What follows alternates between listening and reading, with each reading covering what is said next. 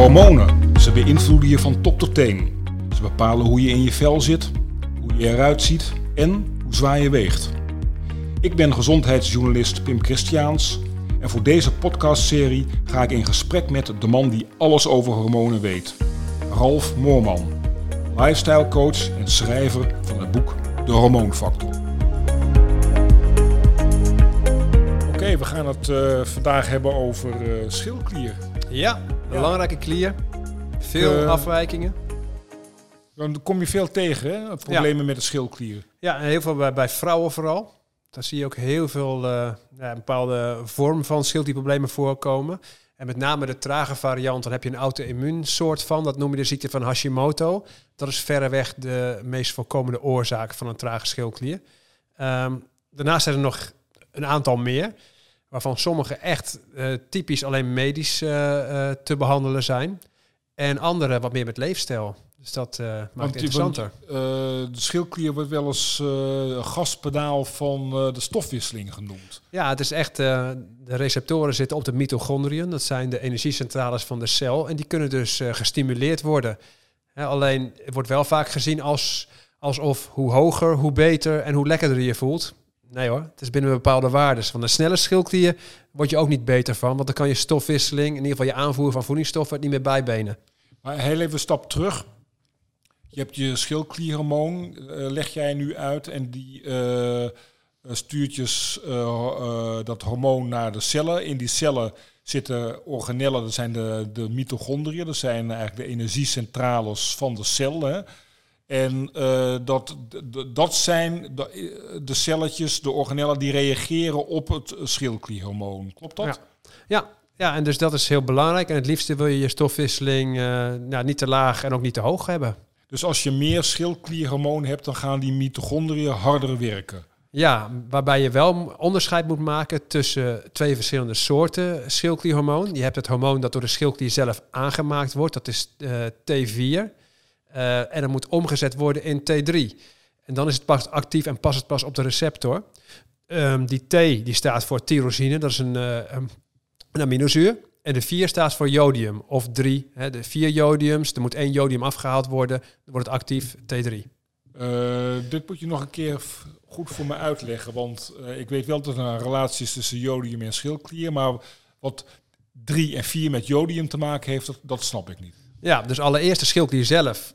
Die maakt een variant waarbij er vier jodiums eh, in het schildklierhormoon En zitten. dat is jodiummoleculen of zo. Ja, voor jodium eh, in de eh, atomen eraan. En vervolgens, eh, ja, inderdaad heb je een omzetting naar T3 en dan is het pas werkzaam. Dus de T4-variant is eigenlijk een soort van opslaghormoon. Dat, daar wordt echt het lichaam een beetje een voorraad van eh, bijgehouden. En het kan het vervolgens het zelf actief maken door één jodium eraf te halen. En dan wordt je stofwisseling gestimuleerd. Dus je hebt eh, tyrosine met 4 jodiumatomen, T4. En je hebt tyrosine met 3 jodiumatomen, T3. Voor de Ja. kenners. Ja, precies. Tyroxine en triodotyronine Aha, zijn de namen. oké. ik ben diep onder de indruk. Ja, ik moest eventjes eh, la- laten zien. Even je, s- een soort spierballen vertoon dit. maar even terug voor het niveau van ons leken. Hè. Ehm, schildklierhormoon, eh, problemen die, die eh, even los van de medische oorzaken, maar die leefstijl gerelateerd zijn, die komen veel voor. komen zeker veel voor. Hè. En, je kunt eigenlijk kijken, eh een schildklierprobleem wat uiteindelijk op het schildklier zelf ligt, dat is een T4-probleem. Dan wordt T4 al niet goed aangemaakt. Maar het kan ook zijn dat de schildklier zelf wel goed functioneert, maar dat de omzetting van T4 naar T3 niet goed verloopt. En daar zitten ook weer allerlei leefstijlfactoren tussen. En wat zijn dan de eh, leefstijlfactoren die de schildklier en de omzetting van, van eh, t- eh, T4 naar T3 eh, beïnvloeden? Nou, sowieso is er ook een, een mineraal wat belangrijk is voor de omzetting van T4 naar T3. Dat is selenium.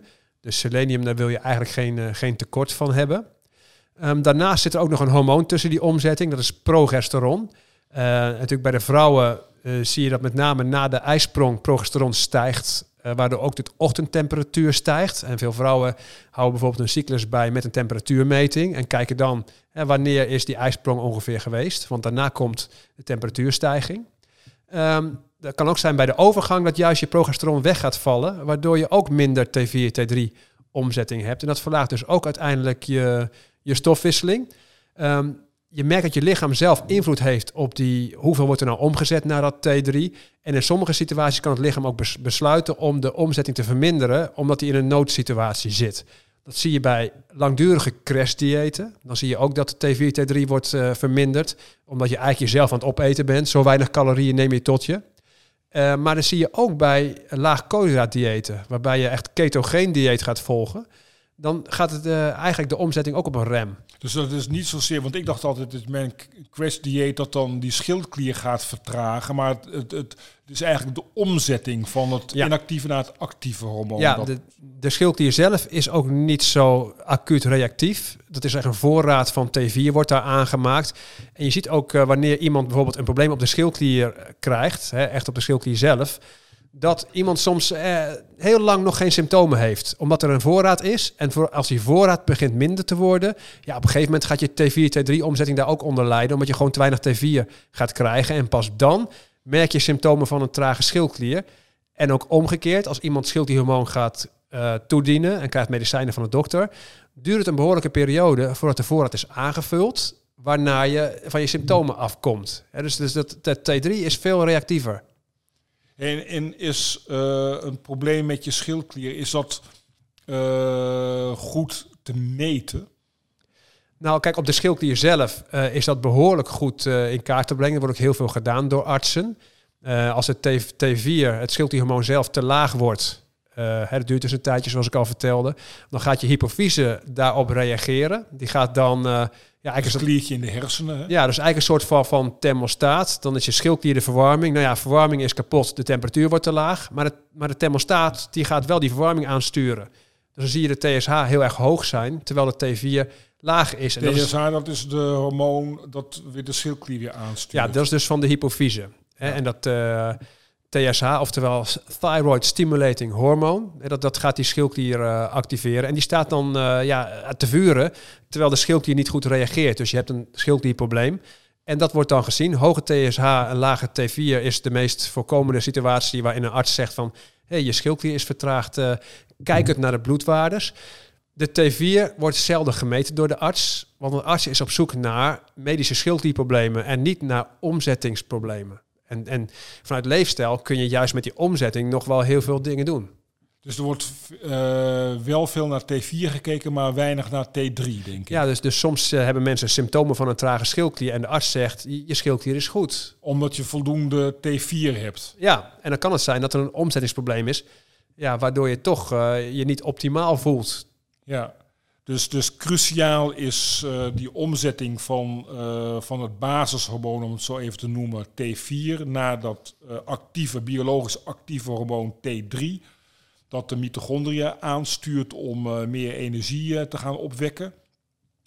Um, hoe wijdverbreid is dat probleem? Hoe, hoeveel kom je mensen met schildklierproblemen tegen? Ja, heel erg veel. En, en ehm, vooral die, de ziekte van Hashimoto, dus een auto-immuunziekte waarbij de schildklier als het ware ontstoken raakt. Die zie je ontzettend veel. En oh, wat is veel? Wat moet je dan aan denken? Hoe groot is de kans dat je dat hebt? Is dat 1%, 10%? Nou, als je kijkt, als je een schildklierprobleem hebt, dan is denk ik wel, wel 80% is, is Hashimoto. Dat is echt, echt verreweg het meest uh, voorkomend. En het mooie is dat je ja, met leefstijl ook nog wat kunt doen om dat uh, aan te pakken.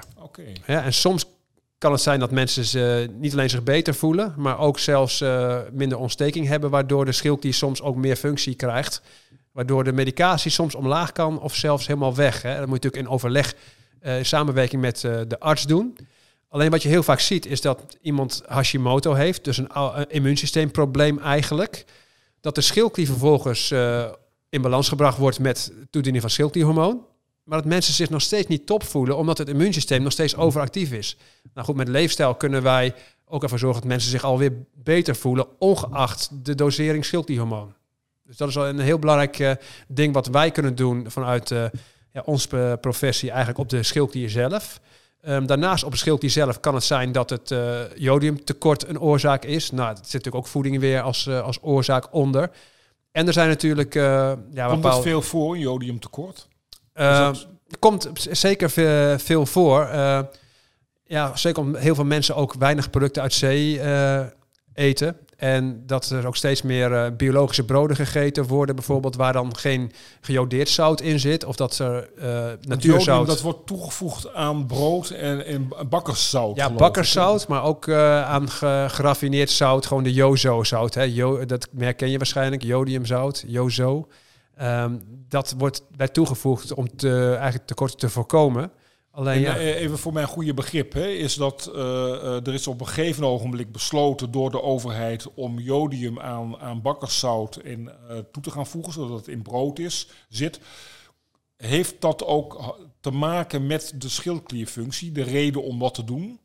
Nou, een van de dingen. Kijk, jodium is voor meer dingen ook nog van belang voor je gezondheid. Er zijn heel veel functies wat we ook niet precies weten. Ook, ook het opruimen van slechte cellen in je lijf is ook weer jodium voor nodig. Um, dus daar wil je gewoon eigenlijk geen uh, tekorten van hebben. Alleen het uitzicht vrij snel uh, op schildklierniveau. Soms zelfs zo dat je schildklier gaat zwellen. Wat van de buitenkant ook uh, te zien is. Hè. Dat dus zie je natuurlijk. Krop heet ja, het geloof En dat zie je vooral natuurlijk in ontwikkelingslanden zie je dat meer. Waarin soms de voeding wat heel eenzijdig is met natuurlijk heel weinig jodium.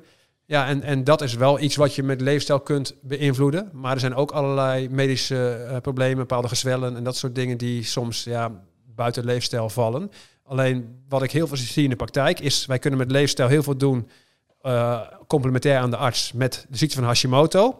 En omzetting T4, T3. Daar heb je met leefstijl ook veel, uh, veel te doen, al zal dat ja, niet door een arts gemeten worden. Juist. En um, je hebt dan, uh, je kunt dus echt in het bloed meten, je schildklier. Um, maar in jouw boek kom ik ook wel zaken tegen dat je het ook aan de buitenkant van iemand min of meer kunt zien. Hè? Ja, de, de schildklier, als die vertraagd wordt, dat, maakt zich kenbaar met ontzettend veel symptomen. Als je daar lijsten voor bekijkt, dan, kan, dan kun je misschien wel 50 uh, tot 100 opnoemen. Noem eens uh, ja. de, de, de, de, paar belangrijkste. Ja, de belangrijkste is bijvoorbeeld dat je het koud krijgt. Koude handen, koude voeten of puntje van je neus is uh, koud. Dat je huid droog wordt. Dat je diffuus haarverlies hebt. Hè. Je haar wordt wat, wat dunner. Dat zijn belangrijke dingen. Maar daarnaast ook dingen die je niet ziet van de buitenkant. Hè, zoals de cholesterol zou omhoog kunnen gaan. Uh, je hartritme kan verlagen met wat meer onregelmatigheid uh, uh, hierin. Ja, en ja, als je die belangrijke symptomen hebt, dan En ik heb ook interessant. dat je, je wenkbrauwen, dat, dat het haar in je wenkbrauwen Ja, dat zou kunnen dat de zijkant van je wenkbrauwen gaat wegvallen. Dat zijn, natuurlijk niet bij een T4, T3 omzettingprobleem, maar wel met een echt medisch schildklierprobleem, waarbij je maar een centimeter wenkbrauw aan de binnenkant bijvoorbeeld overhoudt. Hè? Dus dat maar besef, één symptoom is geen diagnose. Hè? Dus sommige mensen die lezen misschien één ding denken, oh, trage schildklier. Ja. Nee, je moet er meer hebben. En daarnaast uh, ja, uh, misschien wel vervolgonderzoek om even te kijken of je TSH verhoogd is en je T4 te laag op de schildklier zelf. Ja, en omzetting, dat, ja, dat doet het medische circuit doet er niks mee, want ze hebben er ook geen oplossing voor. Hè? En ja, in theorie zou je kunnen zeggen uh, T3 voorschrijven. Maar dat wordt niet snel gedaan, omdat een actief hormoon voorschrijven en je zou verkeerd doseren, dan krijg je hyperverschijnselen als je te hoog zit, hartkloppingen en allerlei gevaarlijke dingen. Dus uh, werken veel liever met medicijnen uh, op T4-basis, waarbij je langzaam gaat toedienen en dan wordt die voorraad goed tot je op een juist niveau bent ingesteld. En daarnaast die T3 heeft ook een hele korte halfwaardetijd. Dus die zou je meerdere keren per dag moeten gebruiken. Oh ja, dus dat T3 wordt heel snel afgebroken. Ja. Waardoor het moeilijk te meten is. Ja, te meten en toe te dienen. Juist. En um, uh, voordat we daar dieper op ingaan, kun je uh, uitleggen wat de relatie is van de schildklier en, en het, uh, je figuur en het gewicht? Nou, vaak wordt gedacht, met name de trage schildkliervariant. Um, dan, kun je, dan denk je dat je komt aan bij een trage schildklier omdat je stofwisseling vertraagd is. Nou, het klopt dat je stofwisseling omlaag gaat, maar het is maar een heel klein beetje. En er zijn behoorlijk wat mensen die gewoon slank zijn met een trage schildklier. Alleen een verschijnsel wat er ook bij komt kijken, een van de symptomen, kan ook uh, depressief gevoel zijn en, en energiegebrek. Dat is een groot deel van de mensen die gaat dat toch vertalen in meer eten. Dus de, dat zijn dat is denk ik de, de belangrijkste reden bij mensen die echt flink in korte tijd aankomen. Daarnaast nog een klein iets erbij, dat is uh, vocht vasthouden. Iets meer vocht vasthouden kan natuurlijk ook op de weegschaal gemeten worden. Dus ja, die drie dingen samen zorgen hiervoor. Ook aan de snelle kant, dan denk je, hey, mensen met een snelle schildklier vallen snel af. Dat komt door de stofwisseling. Nou, daar ligt ook een ander probleem. Als alles te snel gaat, gaat ook je darmwerking te snel. Uh, een van de verschijnselen bij snelle schildklier is diarree. Je neemt daardoor minder op en valt af. Dus ook die stofwisseling. Hè, besef, als jouw bazaal stofwisseling op uh, bijvoorbeeld 1800 kilocalorieën per dag zou zitten... en je zou een trage schildklier krijgen... ja, dan kan die op een gegeven moment naar 1650 gaan. Uh, dat zorgt er niet voor dat je in een korte tijd 10 kilo aankomt. Dus een te subtiele verandering. Ja, natuurlijk draagt wel bij op de langere termijn, maar vaak speelt er meer. Ja, en uh, uh, heb je dan vaker, uh, zie je vaker mensen met een vertraagde schildklier of met een versnelde schildklier? Ja, veel, veel vaker vertraagd. Dat is Echt wat veel, veel vaker. En ook als je naar de snelle variant gaat, is het ook vaak weer een immuunsysteemprobleem. Dat noem je de ziekte van Graves, ook auto-immuun. Dus je ziet, uh, heel veel schildklierproblemen zijn eigenlijk immuunsysteemproblemen. En, en, ja, heel veel mensen zijn daar flink belast op dat gebied. Ja, ja. Hey, en uh, je noemde een aantal symptomen net, maar volgens mij heb je er één gemist. dacht ik nog, nog wel meer, nog wel meer. Ja, ja, maar een belangrijk is volgens mij je ochtendtemperatuur. Ja, temperatuur. Als je stofwisseling inderdaad lager wordt, wordt je temperatuur ook iets lager. En je, hebt, je zou inderdaad in de ochtend zou je je temperatuur kunnen meten. En dan, uh, ja, als die echt, echt 36 is of, of, of zelfs lager, dan kan het een symptoom zijn dat hij wat aan de, aan de trage kant is. Of hij is juist 37 of hoger, dan kan die weer wat aan de snelle kant zitten. Uh, al moet ik even een kanttekening maken bij de vrouw. Uh, en in de, dan moet je dat eigenlijk tijdens de menstruatie gaan meten. Dan weet je zeker dat er geen uh, ijsprong is en een verhoogde progesteron, want die verhoogt de temperatuur weer. Dan klopt het niet meer. Oh, zo. Ja. Hey, en um, ja, de relatie met hoe, hoe kun je met voeding nou die schildklier terug in dat gareel krijgen?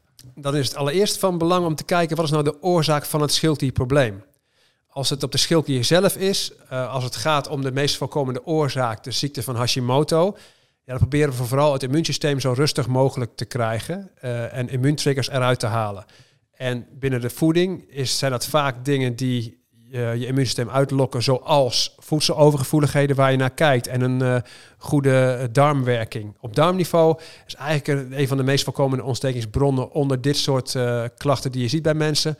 Daarnaast natuurlijk heel belangrijk om vanuit leefstijl die, die bloedsuiker niet te vet te laten oplopen, want dat zorgt ook voor ontsteking. En daarnaast ontstekingsremming wordt vaak door cortisol gedaan in ons lijf. En als wij burn-outs krijgen uh, en bijnieruitputting, ja, dan is de kans op het uh, wakker maken van een Hashimoto-gen is dan vergroot, omdat je minder ontstekingsremming hebt, waardoor de ontstekingsbron wat meer ja, uit de hand gaat lopen. Dus je kunt eigenlijk door een burn-out zou je ook deze de, de Hashimoto kunnen uitlokken. Ja, va vaak zie je eh, op dat soort momenten een Hashimoto ontstaan. He, er zijn van die, van die trigger momenten. Dat is burn-out, um, ook soms na de bevalling, na een zwangerschap, dat ook in één keer het immuunsysteem opgevlamd wordt. Ja, dan kan dus een gen, wat natuurlijk wel aanwezig moet zijn, die kan wakker worden. En als je een Hashimoto-gen hebt, dan pakt hij op je schildklier. Heb jij uh, een reuma-gen, krijg je reuma of weer een andere auto-immuunziekte, net waar je genetische zwakte ligt. Juist. Ja. ja. dus daar kun je met leefstijl op ontstekingsbron wat aan doen en een klein beetje op ontstekingsremming. Dus daar kun je wat uh, winnen. Daarnaast jodiumtekort, ja, dan heb je ook natuurlijk een voedingsthema waar je wat mee kunt. dus dat is uh, zeker, zeker ook leefstijl gerelateerd. Daarnaast zijn er nog een aantal dingen binnen op de schildklier zelf die dan echt medisch zijn waar je, uh, waar, je niks mee kan doen met leefstijl. Maar T4, T3 omzetting, ja, seleniumtekort kun je ook met voeding uh, naar kijken hoe je dat kunt uh, ophogen. Je kunt sowieso kijken in het verleden, wanneer is, zijn de symptomen van een trage schildklier ontstaan? Is dat na een ketogeen dieet of een crash dieet? Nou, dan wordt het ook duidelijk dat je daar anders mee om moet gaan bij, bij die persoon. Um, uitputting uh, en burn-out. Je ziet ook dat T4, T3-omzetting daar wat onder te lijden heeft. Dus ja, als je op stresspijlers aan het werk bent, kan het zijn dat de T4, T3-omzetting ook uh, beter gaat. En soms zie je ook als je bij symptomenchecks gaat kijken, dat er symptomen zijn van een trage schildklier, hè, wat lichte symptomen. Uh, en dat je tegelijkertijd bijna uitputtingssymptomen ziet. En je gaat altijd kijken, goh, wanneer zijn de klachten ontstaan? Ja, als het na een heftige stressperiode is geweest, ga je waarschijnlijk op beide niveau de oplossing vinden. En dan gaat de schildklier vanzelf ook uh, beter. Juist. En zit, zijn er, is er ook nog een relatie met uh, bijvoorbeeld lichaamsbeweging? Uh, sporten, krachttraining, heeft dat enige in, invloed? Ja, niet, niet zo direct. Ik, ik zie wel bijvoorbeeld juist aan de negatieve kant, ehm, als jij echt eh, heel veel duursport gaat doen en je gaat juist aan de energiegebruikkant te hoog zitten, is eigenlijk hetzelfde als dat je jezelf een crashdieet volgt. Hè?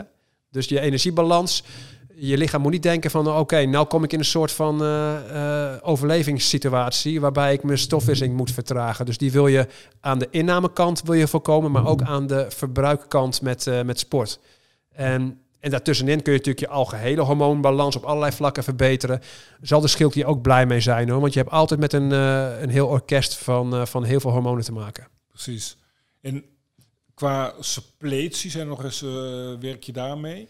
Nou, met name als je de oorzaken ga, gaat checken. Je gaat bijvoorbeeld een, um, een urinetest doen naar jodium of een, een, een, bloedtest voor selenium. Als daar tekorten zijn, dan ga je daar natuurlijk logischerwijs naar kijken. Dat is natuurlijk een, een, een, ding waar je met suppletie wat mee, ook mee zou kunnen doen. Dan ben je wat sneller, heb je het opgelost. En met leefstijl kun je het ook verhogen, maar het duurt langer. Ja. Dus heb je dan suppletie voor.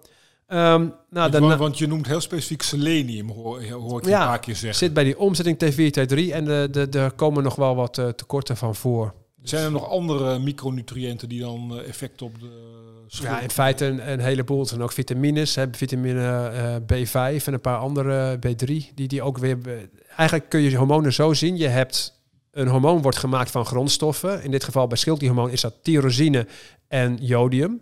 En tyrosine tekort zie je vrij weinig. Um, jodiumtekort komt daar... Je hebt, je hebt tyrosine supplementen. Ja, bestaan wel. Zo, hè, maar daar, daar, daar zie ik eigenlijk minder noodzaak toe bij de meeste mensen. Jodium wel.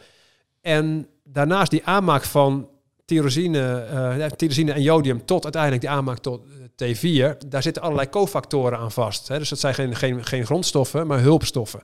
En hulpstoffen, dat zijn allerlei vitamines en mineralen. Dus je kunt ook als hulpstoffen, ja, kun je tekorten hebben. En dat is gewoon natuurlijk kijkend naar de complete leefstijl. Je wil ook uh, ja, misschien als suppletie en multivitamine ernaast om cofactoren en hulpstoffen niet uh, ja, te ja, laag te hebben. Maar in principe zou je dat ook met een, een, een goed goede, gezonde voeding kunnen. Ja, vind, ik, vind ik zelf wel. Um, wat soms ook zo is, dan zie je speciale preparaten om dan de schildklierwerking te stimuleren. Er zit dan uh, uh, kelp in, of je, je een jodiumbron, daar zit dan uh, selenium in en, en ja, tyrosine en nog wat andere dingen en nog wat, wat hulpstoffen.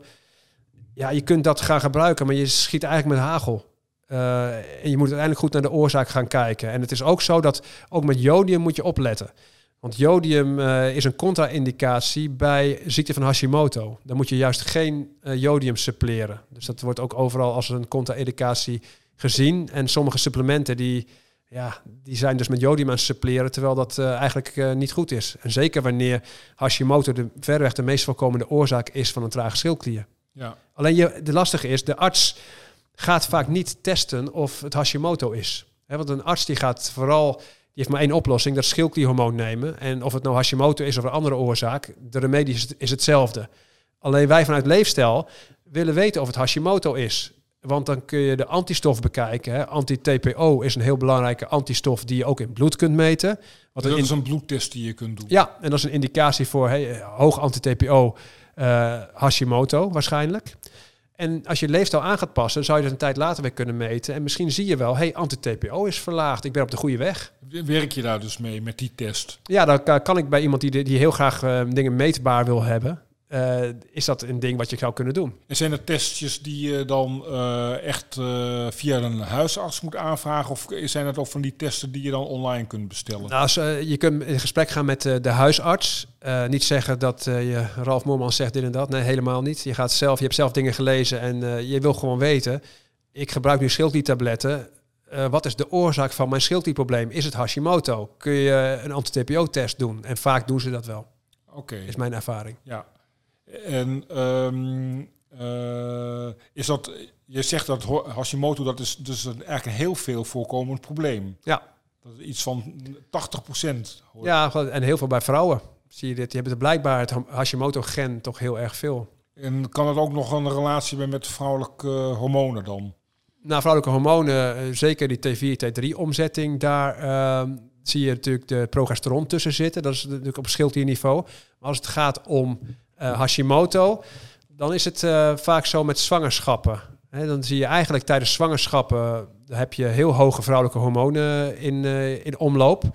En dan na de bevalling, in één keer worden die hormonen onderdrukt. Dus, en, en het is ook zo dat die vrouwelijke hormonen in hele hoge gehaltes toch een, een beetje een ontstekingsonderdrukkende werking hebben.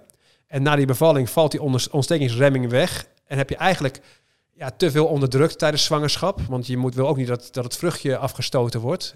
Dus je onderdrukt allerlei ontstekingen, waardoor je achterstallig onderhoud krijgt. Ontstekingsremming valt weg.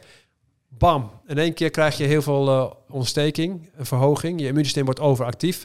En dat kan zorgen voor of een tijdelijk schildklierprobleem, dat noem je de postpartum thyreoiditis. Dat is geen Hashimoto, maar soms wordt ook een Hashimoto op dat moment getriggerd en het gen wordt wakker. Kan. Ja. En mannen, hoe zit het bij mannen? Is, is, het, is het een probleem dat meer bij vrouwen voorkomt dan bij mannen? Veel meer bij vrouwen. Veel meer bij vrouwen, maar bij mannen komt het ook voor. En ook Hashimoto kan bij, uh, bij mannen voorkomen. Maar het is typisch, uh, ja, wat ik veel zie, is, is bij de vrouw. Ja. Oké, okay, volgens mij hebben we het wel goed behandeld, denk ik, hè, nu dit onderwerp. Ja, nou, ik denk inderdaad, uh, besef vooral dat, dat, dat, dat met leefstijl kun je veel dingen doen wat een arts niet kan doen. Waarbij het voor ons uh, interessant is of iemand Hashimoto heeft, waarbij je het, immuunsysteem tot rust kunt brengen met leefstijl. Dat is, dat is, dat is natuurlijk de meest voorkomende oorzaak op de schildklier zelf. En die omzetting T4, T3, ook belangrijk. Dat je kijkt naar geen crashdiëten volgen of ketogene diëten, let daarmee op. En ketogene dieet trouwens wordt ook door mensen met epilepsie uh, toegepast. Dat kan heel gunstige werking hebben. En soms is het zo, als je dat zo streng doet, als je dat hebt, want dan heb je natuurlijk heel veel reden om het te doen, dat er ook extra schildklierhormoon toch toegediend uh, wordt, omdat die in de vertraagstand gaat. Um, daarnaast uh, bijna-uitputting wil je dus voorkomen. Seleniumtekort wil je niet hebben bij die omzetting. En nog één ding extra, dat die omzetting vindt vooral ook op leverniveau plaats. Dus het is niet handig om een vervette lever te krijgen of allerlei andere problemen. Dus ook dat dus is belangrijk. een gezonde lever nodig. Ja. En een gezonde lever, dat is een lever die uh, weinig alcohol, uh, tabaksrook, uh, fructose. Ja, ja, en gewoon dat er geen overgewicht, orgaanvet ontstaat vanwege die reden. Precies, ja. Dus weer de brede leefstijl aanpak, kijkend vanuit de helikopterview. Met speciale aandacht voor immuunsysteem bij Hashimoto. En ja, de thema's uh, omzetting heb ik net genoemd. Ja, het is uh, verder uh, eigenlijk belangrijk om alles een beetje met elkaar in evenwicht te houden. Ja, ja en de schildklier moet je ook nooit loszien van de rest van het hormonale systeem. Het is wel een heel belangrijk onderdeel. Mooi, dankjewel.